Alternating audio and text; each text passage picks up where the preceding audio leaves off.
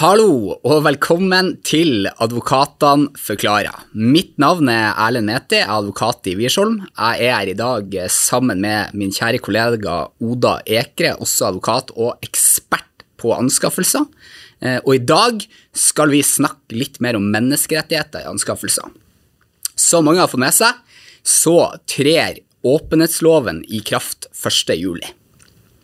Den handler om at eh, store virksomheter, større virksomheter, skal utføre såkalte aktsomhetsvurderinger for å sikre at menneskerettigheter og anstendige arbeidsforhold ivaretas, ikke bare i egen virksomhet, men også i deres leverandør- og verdikjede. Dette er et tema som har blitt ganske hyppig diskutert i det siste, men en side til dette temaet her, det er hvilken betydning vil åpenhetsloven ha for anskaffelser. Og dette med menneskerettigheter og anskaffelser, Oda, det er ikke noe nytt. Nei, det er ikke noe nytt. Eh, det følger jo av anskaffelsesloven at oppdragsgivere skal ha egnede rutiner for å fremme respekt for grunnleggende menneskerettigheter i anskaffelsesprosesser hvor det er en risiko for brudd på disse menneskerettighetene. Eh, og Den bestemmelsen har vært i anskaffelsesloven nå siden 2017, så den begynner å bli en god del år gammel. Eh, og det er sånn at Veldig mange oppdragsgivere de eh, arbeider samvittighetsfullt med å ivareta eh, kravet til menneskerettighetene i, i, sine anskaffelser der hvor det er en risiko for brudd eh, på det, men det vi har sett er jo at eh, man gjerne har kontraktskrav eh, som knytter seg til oppfølging av eh, leverandørkjeden eller forsyningskjeden, eh, og ha krav som eh, er veldig er bra, har gode intensjoner, men som det kanskje ikke alltid er like enkelt å følge opp eh, for en oppdragsgiver. Eh, og oppdragsgivere er jo veldig mange forskjellige norske virksomheter. ikke sant? Det er statlige, kommunale og fylkeskommunale virksomheter.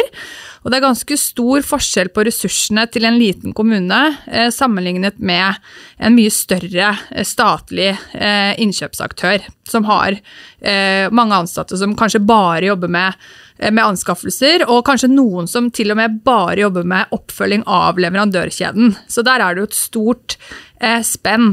Ikke sant. Og så er det jo sånn at det, det som er eh, veldig spennende nå med åpenhetsloven, som da også legger noen plikter på, eh, på leverandørene eh, på selvstendig grunnlag, eh, hvordan det da kan påvirke, og kanskje gjøre det litt enklere å følge opp eh, menneskerettigheter i særlig leverandørkjeden, i også anskaffelsesprosesser. Mm. Så der er jeg spent på å høre, Erlend, hva er det egentlig åpenhetsloven eh, pålegger leverandørene til å gjøre? Ja, ikke sant. Og det er jo et godt spørsmål. Ikke så enkelt å svare kort på, men man skal jo da grovt kartlegge, vurdere og håndtere negativ påvirkning på menneskerettigheter og arbeidsforhold i egen virksomhet, men også da i leverandørkjeden. Uh, og egentlig hele veien til bunnen, da. Men dette her er jo forholdsmessighetsbaserte krav, risikobaserte krav. Så det vil jo si det at jo større virksomhet du er, jo mer vil det kreves av deg. Eh, jo større risiko du står overfor, jo mer vil det kreves av deg. Og jo større kontroll du har over situasjonen, jo mer vil kanskje kreves av deg. Jo større leverage du har, da. Begrep som eh, går igjen. Og sånn sett så ser man jo at man kan sikkert trekke noen paralleller fra Ehm, sånn du beskriver at verden kanskje har vært siden 2017 rundt omkring i Kommune-Norge, der eh, mindre kommuner nok har trøbla mer med de rutinene og kravene eh, opp mot menneskerettigheter etter anskaffelsesloven, og at det her er en parallell å trekke til hvordan dette kan bli når åpenhetsloven trer i kraft. Ehm, er du en mindre virksomhet, så vil det nødvendigvis ikke kreves fullt så mye av det, men fordelen her vil jo være at langt flere vil jo nå få et aktivt forhold til leverandørkjeden sin når det kommer til menneskerettigheter, som igjen kan gi positive ringvirkninger ikke sant? for f.eks. en kommune da som skal velge mellom ulike leverandører, eller skal følge opp da en, en leverandør og dens leverandørkjede. Og så kan man jo også kanskje få en mer sånn klarlagt uh, linje om okay, hva er best practice her, på en måte hva er det som man faktisk forventes å skulle gjøre da når man følger opp leverandørkjeder? Eh, skal man følge opp med stedlig kontroll? Hvor langt eh, rekker det at man bare stiller krav i kontrakter? Hvor ofte skal du eventuelt gjøre oppfølging? Mm. Og det som er, kanskje, som er veldig spennende og interessant med dette, det er jo at sånn som det tidligere kanskje har vært, så har det vært slik at offentlige oppdragsgivere har stilt krav i kontraktene sine, og så har leverandørene på mange måter bekreftet at ja, det skal vi gjøre. Og så har det ikke alltid vært så enkelt å, eh, å følge med på eller å etterprøve for den offentlige oppdragsgiveren om eh, det faktisk er sånn at, eh, at er menneskerettighetene ivaretas på den fabrikken eh, fjernt unna Norge. Eh, men det man kanskje nå ser gjennom denne åpenhetsloven, det er jo at leverandørene egentlig uavhengig av offentlige oppdragsgivere, de vil få et mer bevisst forhold til eh, ivaretakelse av menneskerettigheter i sin egen eh, leveransekjede. Det er de forpliktet til i, i henhold til den nye loven. Sånn at istedenfor den situasjonen som det kanskje var før, hvor oppdragsgiverne påla en del krav, eh, så må leverandørene nå også på eget initiativ ha eh, rutiner og systemer internt for å følge opp eh, forsyningskjedene sine. Og det er jo noe som kan gjøre det enklere for oppdragsgivere å få relevant dokumentasjon og få enda mer eh, konkret informasjon fra leverandørene om hva de faktisk gjør, og hvordan de gjør det. Mm. Som, som, kan være en styrke, eller en styrking av den eh, informasjonen som, som, oppdragsgivere gjerne vil ha og ha behov for, for å sikre ivaretakelse av menneskerettigheter i sine kjeder.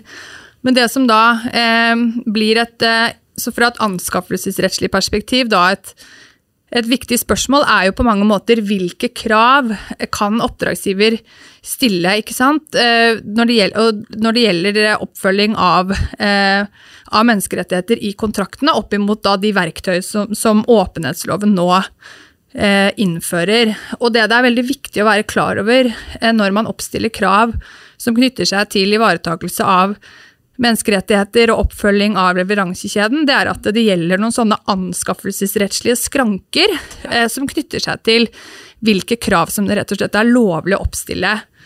Og eh, paragraf 5 i eh, anskaffelsesloven eh, fastsetter jo at eh, man skal ha eh, rutiner for å følge opp menneskerettigheter ved offentlige anskaffelser, men den fastsetter samtidig at de kravene man da stiller, de må eh, ha tilknytning til leveransen. Mm. Det følger også av samme bestemmelse i loven. Mm. Og det går jo da ut på at eh, krav til leverandørene de må knytte seg til den konkrete leveransen som skal leveres eh, gjennom kontrakten. Så utgangspunktet er at kontraktsbestemmelser som på en måte knytter seg til leverandørens generelle virksomhet, uavhengig av hva som skal leveres i kontrakten med den offentlige oppdragsgiveren, sånne krav kan man ikke stille opp. Det er ikke lovlig. Mm. Men det som derimot vil være lovlig, det vil jo være å ha krav eh, som knytter seg til oppfølgingen av eh, leveransekjeden i den konkrete kontrakten som skal gjennomføres. Og f.eks. da eh, aktsomhetsvurderinger osv. Mm. i relasjon til den. Men det er det veldig viktig at man er oppmerksom på at både krav som knytter seg til leverandørenes kvalifikasjoner eh, og kontraktsbestemmelser, og tildelingskriterier, de må alltid ha nødvendig tilknytning til den konkrete kontrakten. Så det, vil, det fungerer som en sånn generell skranke eh, for eh, hvilke krav som kan oppstilles. Så det er veldig viktig at man er oppmerksom på den, og at kravene stilles primært ikke til leverandørens generelle virksomhet, men til de arbeidene som skal gjennomføres da under kontrakten.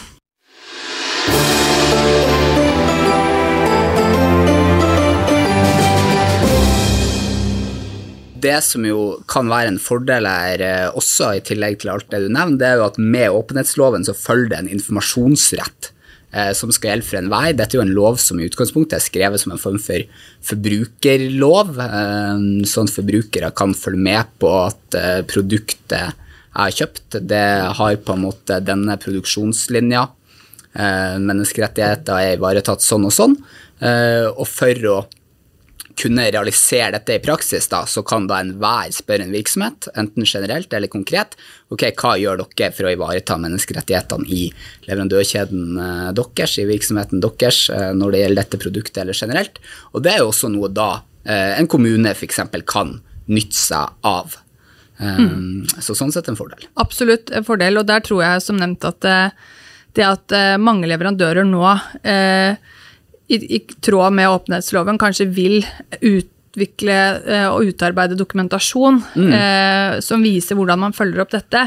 En sånn type dokumentasjon vil jo naturlig nok være veldig relevant også i mange anskaffelsesprosesser. Sånn at eh, det vil, tror jeg vil, vil kunne hjelpe mange oppdragsgivere eh, mer enn før, eh, Ja. med tanke på å få informasjon eh, fra leverandørene. Ikke sant? Og så handler jo åpenhetsloven mye om hvilke rutiner man har. ikke sant? Det Bruddet skal ikke felle en, på en måte. For veldig mange virksomheter vil det jo store leverandørkjeder være ganske uunngåelig.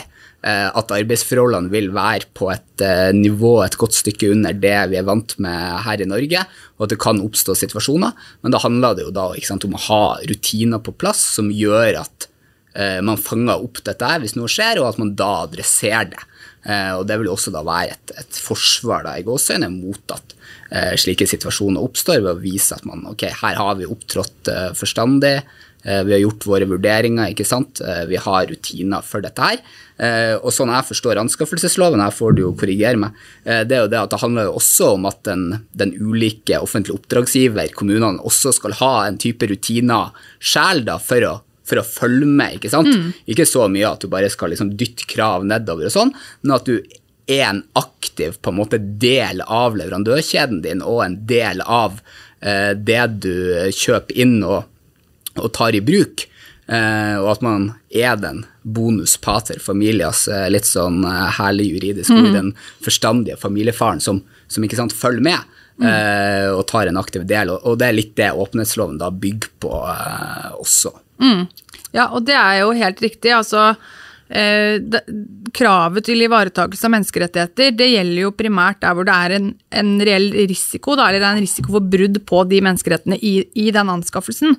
Eh, og det i seg selv det gjør jo at eh, oppdragsgiverne må eh, vurdere og ta standpunkt til ok, den anskaffelsen jeg skal gjennomføre nå, den, eh, gir den risiko for brudd på menneskerettighetene, og du må ha på en måte en sånn praksis som, eh, som Ja, en bevissthet. en bevissthet på hvilke anskaffelser er, er det, hvor er det risiko, hvor er det ikke. ikke sant? Så det er Mm. Jo, det er jo steg nummer én. Ja. Eh, og den, det er jo litt det samme som det leverandørene nå også må Mm. eh, kartlegge, da.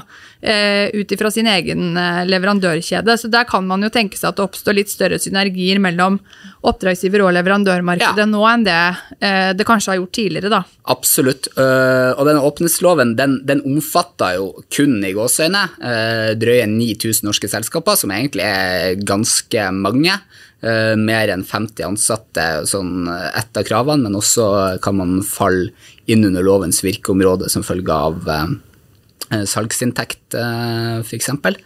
Uh, og det er jo ganske mange, men enda flere vil nok merke åpenhetslovens ikrafttredelse som følge av egentlig ringvirkninger. Og det er jo ringvirkninger som noen kanskje allerede har kjent på eh, gjennom anskaffelsesprosesser, at man blir møtt med, med krav til menneskerettigheter og forventninger. Eh, men nå vil man jo oppleve det samme ved at eh, dine forretningspartnere vil stille krav om dette her.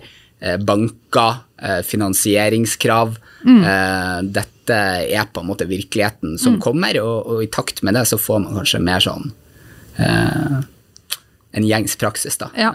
eh, som kan være bra. På mange måter så kan man vel egentlig si at disse, disse kravene til å være oppmerksom på menneskerettigheter og, og, og følge opp det i eh, kontrakter, det, eller i offentlige kontrakter, er jo noe som norske offentlige oppdragsgivere har vært nødt til å forholde seg til i mange år. Så nå er det jo egentlig sånn at man da overfører litt, eller viderefører litt de samme forpliktelsene også til det private leverandørmarkedet, sånn at også de eh, må følge opp. Eh, litt sånn på samme måte som det offentlige oppdragsgivere er forpliktet til å gjøre i kraft av anskaffelsesregelverket. Så det er jo egentlig en videreføring av det fokuset på ivaretakelse av menneskerettigheter som, som følger av eh, selvfølgelig av, eh, av EMK og alle eh, relevante sånne bestemmelser, men det har jo også vært veldig klart forutsatt i anskaffelsesregelverket en god stund. sånn at nå er det på en måte en forpliktelse som, som man også viderefører til, til de private aktørene eh, i markedet.